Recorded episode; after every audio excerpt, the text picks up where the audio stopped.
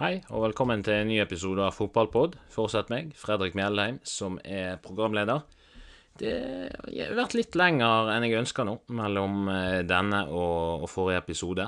Men det handler litt om at jeg tenkte på om skal jeg oppsummere Champions League og Europaligakampene dag for dag? Og så kom jeg egentlig fram til at det jeg ønsker å gjøre, det er å samle alt en Champions League-oppsummering i én episode rundt neste uke en gang, kanskje til helgen. Se litt på, for, for da er det klart hvem som er videre, hvem som er europaligakvalik og disse tingene her. Så rett og slett å gå litt gjennom lag for lag. Hvem har skuffet og, og, disse tingene. Hvem har gjort det bra, hvem har utmerket seg. Litt overraskelse og litt analyse av hvem som faktisk kan komme seg ganske langt i utslagsrundene. Det syns jeg er litt spennende å gå inn på. Men dagens episode er en ny overgangsryktepod. For det er stadig rykter rundt spillere som gjerne presterer eh, særlig over snittet i, i middels store klubber, og i tillegg så er det alltid en del rykter i noen etablerte spillere òg. Så jeg ønsker egentlig å sette i gang eh, med en gang. Eh, I en liten disposisjon. Eh, jeg kommer til å begynne med å snakke om eh, spissen Dusan Vlahovic så litt innpå Martinelli sin kontraktsituasjon. Deretter eh, Roberto Firminio. Så skal vi se litt på Joao Felix, Atletico Madrid-spissen. Videre til Cristiano Ronaldo, Wilfred Saha, og så avslutter vi med Ruben Neves, for så å snakke litt om neste ukes alternativer. Gå litt gjennom hvem det, det skurrer litt rundt og snakkes mye om. Først eh, litt eh, managerprat. Liten kort spalte om Thomas Torrell. For i The Telegraph hadde stått at han var ikke interessert i å overta Aston Villa. Metlaw i eh, nevnte avis meldte fra sin Twitter-konto at Torrell møtte fremstått, fremstøt fra Aston Villa med et rimelig høflig nei. Han, ikke, han, var ikke interessert uansett hva penger som ble lagt på bordet. Det virker jo egentlig som at Eh, Torhell har bestemt seg for å ha en liten friperiode. Og det er nok heller ikke så dumt. Man ser managere at det er en veldig intens jobb. Og det er et ganske konstant press fra omgivelsene, media. Alt du gjør, blir på en måte overanalysert.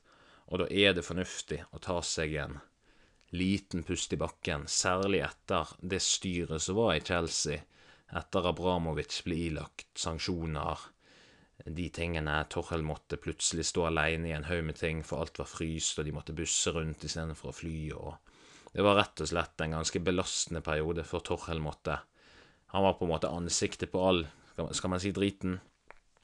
Og, men Chelsea nyter jo langt bedre, bedre dager nå. Absolutt. Det er tvert om mye positivitet nå. Med, med Potter som har kommet inn, og han har vel ikke tapt heller. Veldig stilig. Så ja, det er Torhell har foreløpig fortsatt fri. Aston Villa ansatte jo uh, Unai Emery, fått han tilbake i Premier League. Og det er gjerne positivt at uh, Emery allerede har vært i Arsenal. Kanskje han gjorde seg ferdig med noen sånn typiske engelske startfeil for en manager, og så kan Aston Villa få, få nyte fruktene av at han nå har vært i Arsenal, så via Real, oppnådd ting, og nå kommer han tilbake og kan rett og slett være god og erfaren. Ikke at han ikke var det da, men England er jo, har en veldig sånn satt spesiell fotballkultur der arbeidsroen rundt en manager er så å si ikke eksisterende. Det er ikke sånn at en manager får så grådig mye arbeidsro uten at noen skal vurdere det du gjør. og Altså er det 30 aviser som skriver om det du gjør, og uansett hva du gjør, så vil det være alt mellom 5 og 20 som hyller det du gjør, eh, tre som hater det, kanskje syv som kritiserer det, og så ruller ballen. Det er, det er tungt, og man må, en, eh, man må, ha rett og slett en pust i bakken, sånn som Torhell. Men under Emery kommer nok med friskt liv. Blir veldig spennende å se Aston Villa allerede til helgen. Det gjør det. Det er jo en klubb med mye midler og gjør en del rett men det har òg vært en del eh, snodige avgjørelser. Kommer inn på det i en Aston Villa spesial om ikke så altfor lenge. Vi går videre til eh, Vlahovic. Dette er, har jeg lest i Calcio Camerato med en god hjelp i eh, min gamle kamerat Google Translate. Du Dusan Vlahovic det er en serbisk ung spiss. Han er født 28.1 år 2000. Jeg tror imponert som en ung spiss i Partisan siden 2016, ble han i 2018 blokket opp av tradisjonsklubben Fiorentina i Serie A i Italia. Og etter imponert med et målsnitt på 0,5 på 98 kamper, altså 44 mål, over en fireårsperiode, som så ung i Fiorentina, en tøff liga, Serie A, topp fem-liga, ble han signert i januar i år, 2022, for 70 millioner euro av Juventus, som i disse dager ikke gjør det så grådig bra. Han har eh, levert eh, kanskje en uke gamle tall, dette, men han har levert 13 mål på 25 kamper siden januar. Han har som sagt kanskje spilt én eller to kamper siden det. Han er 1,90 høy, faktisk to centimeter høyere enn eh, undertegnede programleder. Kjent for å være god til å holde på ball, komme i gode skåringsposisjoner i boks, og statistikksider så kommer det av og til opp similar players. Spillere som kommer opp med han, er type Lukaku, eh, Immobile, Zero Immobile og Victor Osimen. Men det er forskjeller, selvsagt, mellom alle de, på, på, stort og smått. Noen vil jo alltid være bedre på å vende opp, ta imot, være god i boks, men dette er en spiller som kan holde litt på ballen, Vlahovic. Årsaken til at eh, denne unge, talentfulle spissen allerede ryktes vekk Han har bare vært i Juventus i ti måneder det er at prestasjonene har vært noe inconsistent. Han blir ofte byttet ut med Paredes i Serie A-kamper, senest mot Empoli forrige fredag. Han hever svært høy lønn i forhold til mange andre i Serie A og Juventus. Og Juventus ønsker ikke enda en spiller som hever høy lønn og ikke presterer eller spiller. Juventus kan få litt økonomiske problemtendenser grunnet at forbruket står ikke i stil med prestasjonene, som er en Det er vel en åttendeplass i Serie A og på hodet ut av Champions League. Og det er ikke det vi er vant til. Bare tenk på for fem år siden, eller fem-seks år siden, når Juventus var i Champions League-finalen med Real Madrid. og du, det var en fryktinngytende lagoppstilling. Og, og det Juventus sender ut på nå i 3-5-2, er jo ikke fryktinngytende. Det har vært et uh, kvantesprang ned i nivå. Men nevnte avis Calcio Camerato melder at Juventus er klar for å selge for omkring 100 millioner euro. Om det er januar eller juni, det er ifølge rapporten ikke så veldig viktig, så lenge de får 100 millioner euro. Det er det som er viktig for Juventus. De betalte 70, de gir han høy lønn, og på denne måten så unngår de å gå i tap på han. Sannsynligvis en liten profitt òg, når alt er tatt, eh, tatt med i regnestykket, som draktsalg og promoteringer som spillerne har gjort for diverse sponsorer og, og, og alle de markedsrelaterte oppgavene, da. Utenom Juventus uh, Nei, altså uh, klubber som er interesserte, og nevnes hyppig, det er Chelsea, PSG og Arsenal. Vlahovic sjøl, veldig vage rapporter, men det sies at han på én side ønsker å lykkes i Juventus, men samtidig så innser han at Juventus er et godt stykke unna storhetsperioden. Og han er jo da interessert i å, å, å, sjekke ut muligheter, særlig gjerne i PSG. Det er en litt sånn vanlig Premier League-frykt som mange spillere, særlig fra type Italia og Bundesliga, litt sånn ofte kjenner på at å, Premier League, du ser forsvarsspillet, spesielt nå når det, det er litt spent på effekten av eh, Spesielt litt, kanskje ikke Jan Vlahovic, for han er litt stor, men mindre spillere, tekniske spillere i type La Liga, Bundesliga, Italia når de ryktes til Premier League, så kan man jo tenke, hvis du ser Premier League på TV OK, der ser du Salah bare bli dratt ned og får ingenting. Ja, er dette, er dette ligaen for meg? Mm. Så ja. Men uansett, eh, veldig spennende ung spiss, og har nok, eh, etter alt å dømme, skal man tro statistikk og rapporter eh, Den som ender opp med Han får en, en god spiss som er, er kun 20, 22 år gammel. Går videre til Gabriel Martinelli. Dette er noe som er skrevet litt om i The Athletic. Altså, han er et eh, stykke unna ny kontrakt med Martinelli. Han ønsker rundt 200 eh, 000 pund i uken, sies det. Mens dette da vil ødelegge noe lønnsstrukturen som Arsenal har jobbet veldig hardt med å få vekk. Fordi Arsenal har etter uh, spillere som Mesut Özil, Pierre uh, Aubameyang, Alexis Sanchez Det har kommet en liten lært lekse om at høy lønn ikke nødvendigvis betyr prestasjoner som står i stil med den høye lønnen. Samtidig så var Liverpool i en litt lignende situasjon for ca. ett år siden, ved at både Sadio Mané og Mohammed Salah begge ønsket en høyere lønn. Liverpool løste i hermetegn knipen ved å, ved å kunne gi Salah mer lønn, litt mer lønn enn en hva som men det er en veldig unik spiller. Og så solgte de Sadio Mané. Og Det har vist seg å gjerne ha noe større konsekvenser enn man først antok, hvis du ser litt på Liverpools posisjon på tabellen og den type ting. Man vet jo at hvis de gangene man gir spillere plutselig mer høy lønn, så skjer de prestasjoner. Se bare på Firminio nå når han er inne i siste året. Han vet at enten så spiller han for en ny kontrakt i Liverpool, eller så spiller han for en god lønn i neste klubb. Og det må vise form. Det er mekanismer som viser at når spillere spiller for en ny kontrakt, det nærmer seg, da går prestasjoner av og til litt opp. Samtidig så vil man belønne gode prestasjoner over tid og de tingene der. Så ja, det, det, er mange hensyn å ta i, i denne situasjonen Arsenal står i med Martinelli nå.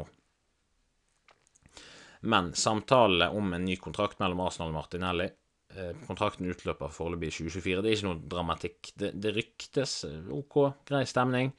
Eh, og Arsenal har òg en opsjon på å forlenge kontrakten med ett år, men selvfølgelig med den type talent så ønsker man jo selvsagt å, å fastsette her. Her skal du bli. Det er òg en veldig god signaleffekt ut til supporterne.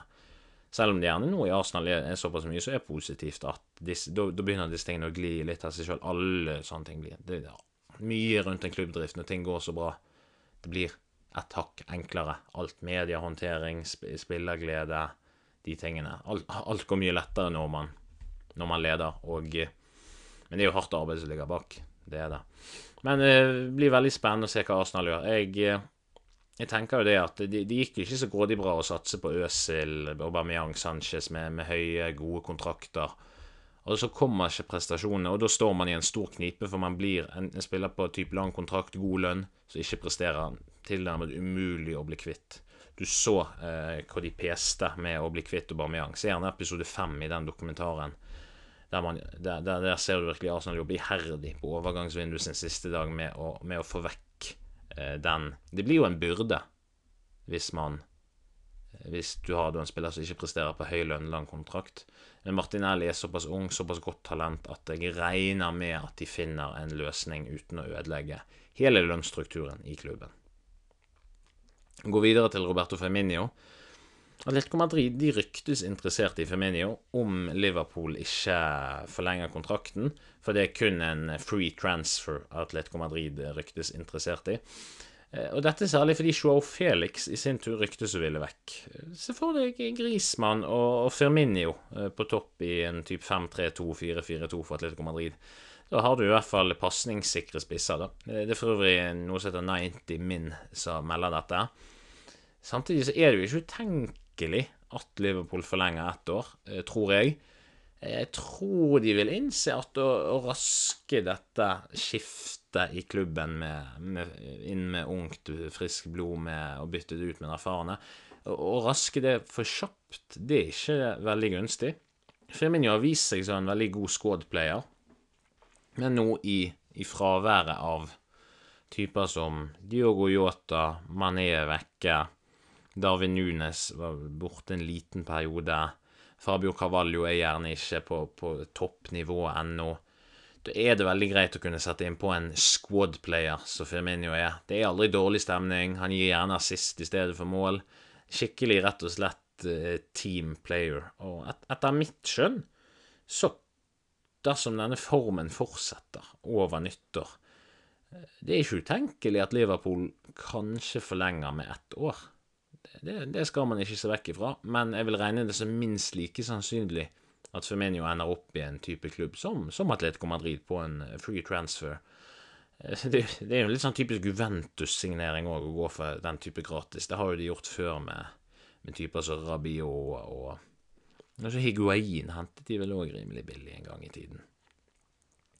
Men eh, ja, det, uansett, i forhold til Firmino, det er det, det, er jo ikke en målmaskin, men du får en spiss som virkelig ikke du, du, vet som trener, da, og det kan også være beroligende å vite at OK, sender jeg han utpå med, med ti instruksjoner, så vet du at OK, han kommer til å prøve å gjøre de ti instruksjonene.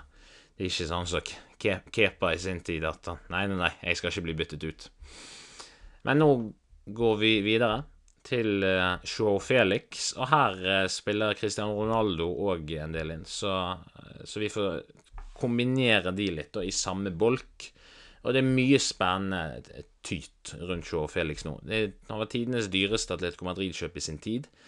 Skulle erstatte Grismann etter at han dro til Barcelona. Felix er født i 1999. Han leverte 15 mål på 26 kamper for eh, Benfica i Portugal. Eh, portugisisk toppliga, som er en god liga. Hva er det Liga Nos? Nor, Nor Liga? Det er noe sånt. Eh, og han var 18 år når han leverte 15 mål på 26 kamper. Det er en liten tass, og det, og det er veldig imponerende. Han var derfor veldig ettertraktet. Og han var av mange spådd å være den neste store spissen, type ny Aguero. Det var gjerne derfor Atletico Madrid valgte å hente han òg når de først fikk såpass mye penger og Grismann dro, og man tenker ok, man må ha noe nytt nå, en skikkelig god en, så kanskje kan bli solgt litt dyrere igjen. Det har ikke blitt helt sånn. De kunne kanskje De kunne kanskje blitt en stor spiller i en annen klubb enn Atletico Madrid. Det er, jo ikke, det er jo ikke en klubb som er kjent for å servere sjanse på sjanse til spissene sine. Samtidig så er jo Felix en, en type god kontringsspiller, og Atletico Madrid får kontringsrom. På den siden da, så skulle man jo tro det. Men eh, og, Atletico Madrid står jo bak navn som Aguero, Forlan, Costa, Morato, Fernando Torres. Så jeg kan jo forstå at Felix sin tid tenkte dette, dette er et bra neste steg. Men snittet i Atletico Madrid har ikke vært i nærheten av det han leverte i Benfica. Det er jo to vidt forskjellige spillestiler. Felix har levert 21 mål på 91 kamper i Atletico Madrid. Det er ikke gode nok tall for en spesiell toppklubb i topp fem-liga. Det er det ikke. Manchester United har vært koblet til Felix, og det, de kobles allerede i januar. ISPN melder at Ronaldo er blitt gjort tilgjengelig for um, overgang uten sum, og det ser man veldig, veldig mange steder, særlig etter, etter at han styrtet ut under Tottenham-kampen. Og det vil jo innebære at kjøpende klubb av Ronaldo må bare betale lønn. Det blir i, nesten som en free transfer. Og det er, jo, det er jo noe United sannsynligvis gjør i håp om at OK, man kan man kan på en måte kvitte seg med en, en eldre spiss som er på en nedadgående kurve, og så kvitter man seg med lønnen, og så tenker man det er på en måte penger spart nok. Men det sies egentlig foreløpig rundt Ronaldo, utenom Chelsea-rykter, at det, kanskje Inter Miami er interessert òg. Jeg vil ikke tro at Ronaldo er interessert i å bli lagkamerat med mannen som i sin tid bommet, eh, bommet på straffen eh, mellom Brann og Jerv, som sendte Brann ned i Obos-ligaen. Eh, Robert Taylor. Jeg vet ikke om Ronaldo er interessert i å bli lagkamerat med han helt ennå, i, i, Miami. Men skulle United miste Ronaldo i januar til Chelsea eller et eller annet annet, så er Manchester United interessert i en spiss, og de er, de er ikke fremmed for Joe Felix. Og igjen, i sin tur så er derfor Atletico Madrid er interessert i Roberto Femenio. Så her så begynner vi å se denne sirkelen igjen. At uh, går, man går på renovasjon, disse spillerne, i, i, i, de samme store klubbene, i de samme store ligaene. Men det er lite så sikkert ennå rundt Ronaldo. Han spilte jo senest nå nettopp i en United-seier mot uh, mot Sheriff. Skårte vel òg. Jeg har vært mye på jobb i det siste, jeg har ikke fått fulgt med på alle kamper like mye som jeg ønsker. Men eh, Ronaldo vil egentlig kun til en klubb i Champions League. Eh, problemet er at det ikke er så mange som vil ta han. I hvert fall ikke om han ikke senker lønnskravet sitt, for han hever ganske høy lønn, selv om han tok et eh, lønnskutt per, altså etter kontrakten med tanke på at United ikke fikk Champions League. Og Da gikk han noe ned i lønn. Det var en sånn klausul. Som når han signerte Man trodde gjerne at United skulle få topp fire. Det var man ganske sikker på med Sancho og Ferran og Ronaldo og så mange gode spillere inn. Eh, Ronaldo har jo faktisk høyere lønn enn Sala, som nylig satt rekord i raskeste hat trick i Champions League. Jeg tror denne Ronaldo-saken er noe som kan snu fort. Og, altså, for å si det sånn, han finner ingen klubb som gir han alt han peker på blant de fire beste lagene, lagene i de fem store ligaene. Han har jo en Han har jo på mange måter en type pondusoppførsel så, så, så skulle tilsi at han fortsatt var en kandidat for Ballon d'Or. Sannheten er jo egentlig dessverre en annen. Men skal vi tro Darwin sin utviklings-evolusjonsteori, så vil jo mennesket til slutt adapt and overcome. Vi venter i spenning på at Ronaldo skal det, da. For de som For de som skulle lure nå på om United kan bytte Ronaldo med type som Felix, så har jo Atletico Madrid-fansen gjort det klart i åpent brev fra i sommer at de ikke vil ha eh, Cristiano Ronaldo grunnet Real Madrid-perioden. For Atletico Madrid var jo, etter per rapporten i august, interessert i Ronaldo da, men fansen ville ikke ha han. Det var uaktuelt. Det har vært ganske rart sett Ronaldo i Atletico Madrid, et kontringslag, en spiller på 37 som har mistet farten. Eh, veldig rart. Var det rein draktselger? Veldig rar signering. Men, eh, men, hva sier dere, Manchester United-fans? Vil dere ha Ronaldo ut og Joao Felix inn? Felix er jo en spiller med noe litt sånn uforløst over seg, eh, spesielt i, i en stor liga. Jeg, jeg tenker umiddelbart to tanker. Felix han er fortsatt bare 22, ikke slått helt igjennom i Atletico Madrid, og kan jo bli bra. På den andre siden, han er ikke den høyeste, sterkeste, og han har jo ikke fungert veldig bra mot sterk motstand i Champions League-kamper for Atletico Madrid. Dette taler jo mot en Premier League-overgang, som er en veldig sånn fysisk intensiv liga. Jeg ville jo tenkt at United heller burde gått for en type spiss, for det er et spissbehov i Manchester United. Og da bør man gjerne gå for en spiss som er mer annerledes enn Martial og Rashford. Skal du først punge ut en del penger for en spiss? Tenker jeg, men hva med en type som Osimen i Napoli? Det er en sånn signering jeg tenker det kan være en perfekt signering for United. Litt sånn yngre, litt ung, men kraft, fart Rett og slett en mini-Haaland, hvis det er lov å si, på den måten.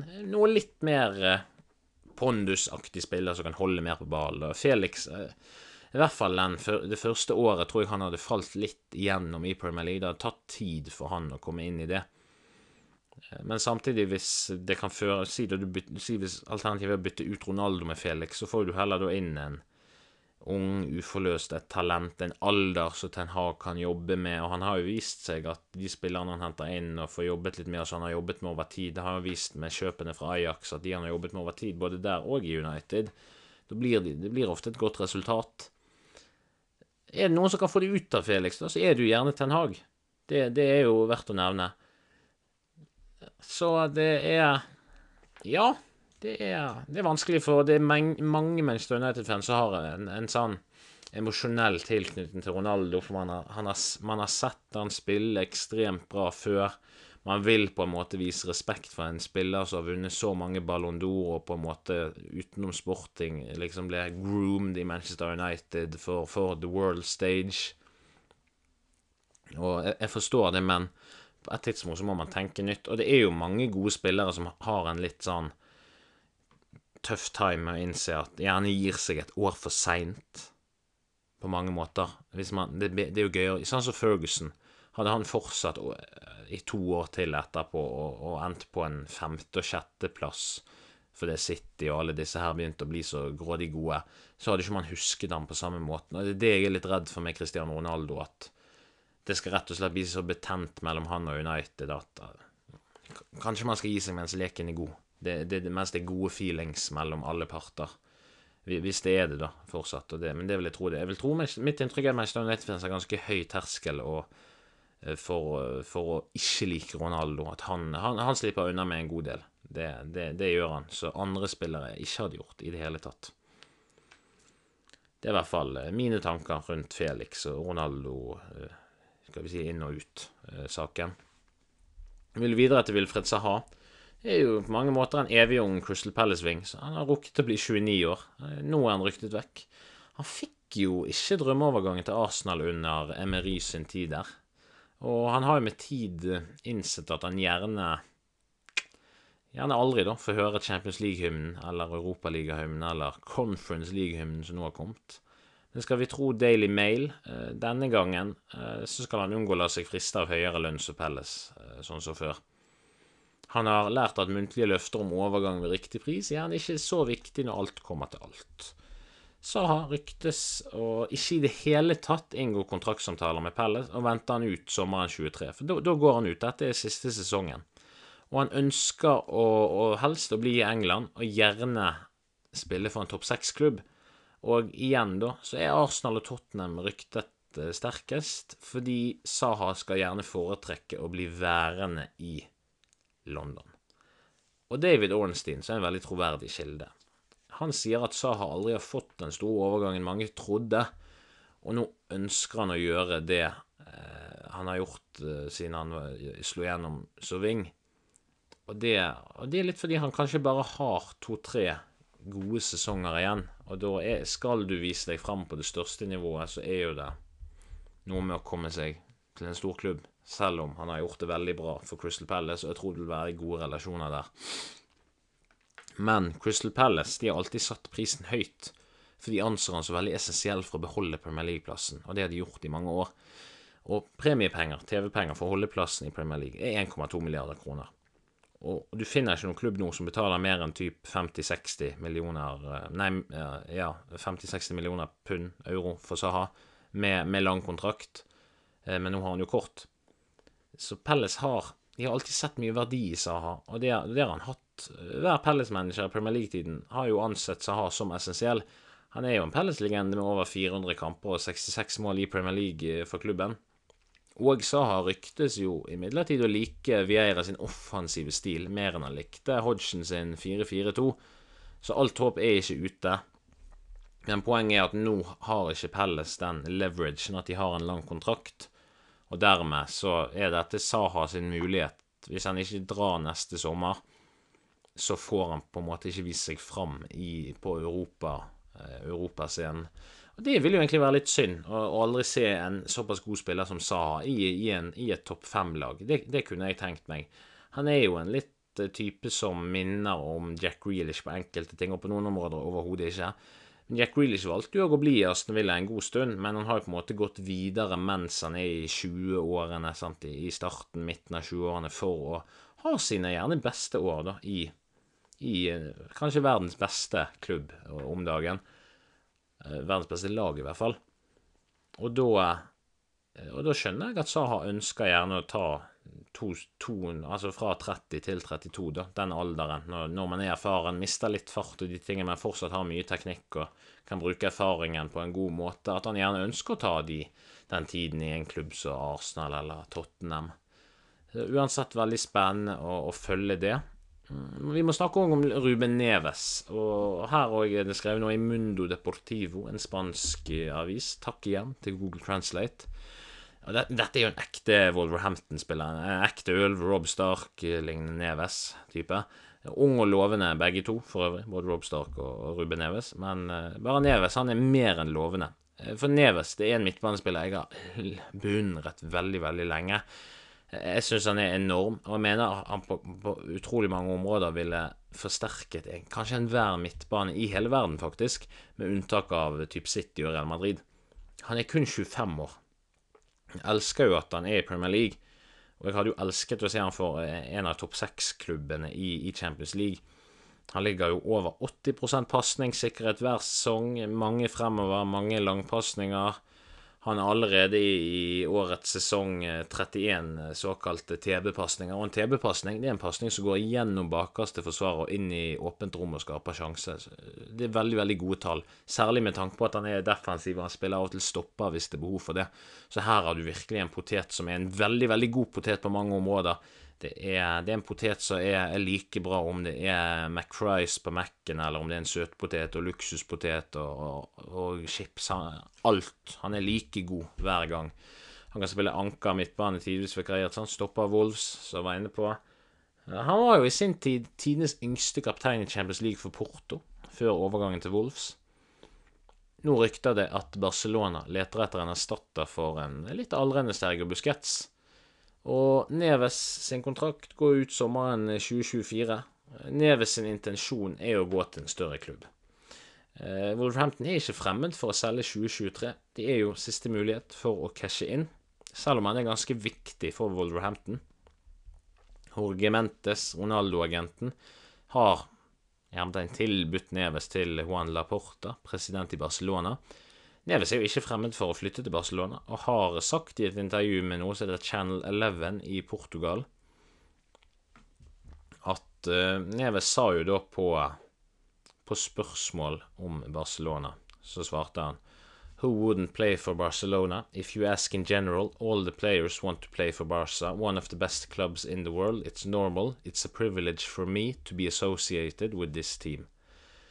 Og da ser man jo at uh, det, er jo, det er jo ikke akkurat et nei, jeg vil ikke spille for Barcelona. Det er enten mye nærmere et, et, et, ja, selvfølgelig. Og man kan forstå han òg. Selvfølgelig. Det går an å forstå at, uh, at han ønsker å gå til en uh, Ja, med unntak av i år, da, der, der allerede Real Madrid har tatt ledelsen med, med El Clásico og og Barcelona har røket ut av Champions League. Men Neves ville absolutt forsterket Barcelona, tross at Frenkie de Jong gjerne ser for seg at han skal på mange måter litt erstatte Sergio Busquets i den rollen. Så er Neves en litt annen type Det er litt mer power over han, og han er veldig god pasningsspiller òg. Frenkie de Jong sin greie på en måte styre tempo, pasninger, kanskje et mål her og der og et par assister, men Ruben Neves er allround-spiller. Og Neves sa i samme intervju, så jeg quotet litt på engelsk et øyeblikk, at hans idoler det er Pirlo og, og Busquets. Så ja, en sterkere Barcelona-link der. Og noe så spennende Det ryktes at Neves har en 40 million euro-klausul i kontrakten, som betyr at han kan selges for, for den summen i sommeren 2023. Og dette skal være innenfor det Barcelona har råd til. De skal sikkert bare selge, selge alle toalettene inne på stadion for de neste ti årene, eller noe sånt. Uansett spennende. Men eh, det er viktig å understreke at Neves trives helt fint i Wolves for øyeblikket òg. Ellers greit å nevne at uh, Chelsea, Liverpool, Manchester United har kroniske beilere på Frenkie de Jong. Så det kan vel fort skje der, kanskje, at Neves inn Frenkie de Jong til Premier League hvis han denne gangen er mer interessert. Nå har jeg jo ikke lenger dette med Champions League i Barcelona. Det var jo veldig viktig for Frenkie de Jong å spille Champions League i Barcelona. Nå røk jo det. Og eh, det må jo være veldig frustrerende å være Frenkie de Jong i sine beste fotballår, og så blir 17- og 19-åringer, riktignok veldig gode 17- og 19-åringer, men likevel valgt eh, over deg. Det tenker jeg er det for denne overgangsboden. Jeg rakk ikke å komme innom alle jeg har på listen min. Jeg håper neste gang, om ikke altfor lang tid, kunne komme innom typer som Ivan Tony, Joakim Andersen, Mitrovic, Cody Gakpo og, og så selvsagt et par andre. Det, det er jo alltid noe. Og, for det dukker alltid opp nye navn. Og Send meg gjerne en melding på Twitter hvis du har forslag til en spiller som er med, eller hvis du tanker om noe virkelig må komme inn på neste pod om overganger. Da er det altså alfakrøll FR Mjeldheim, fotballpod med Fredrik Mjeldheim. Det var det for denne gang. Jeg ser veldig fram til fotball i helgen. Da satser jeg på å ha fri fra jobb og være klar for å, å podde om det som rører på seg. Uansett, tusen takk for at du lytta til Fotballpod. Det var det for denne episoden om overgangsrykter. Så håper jeg vi ses veldig snart igjen. Takk for at du lytta.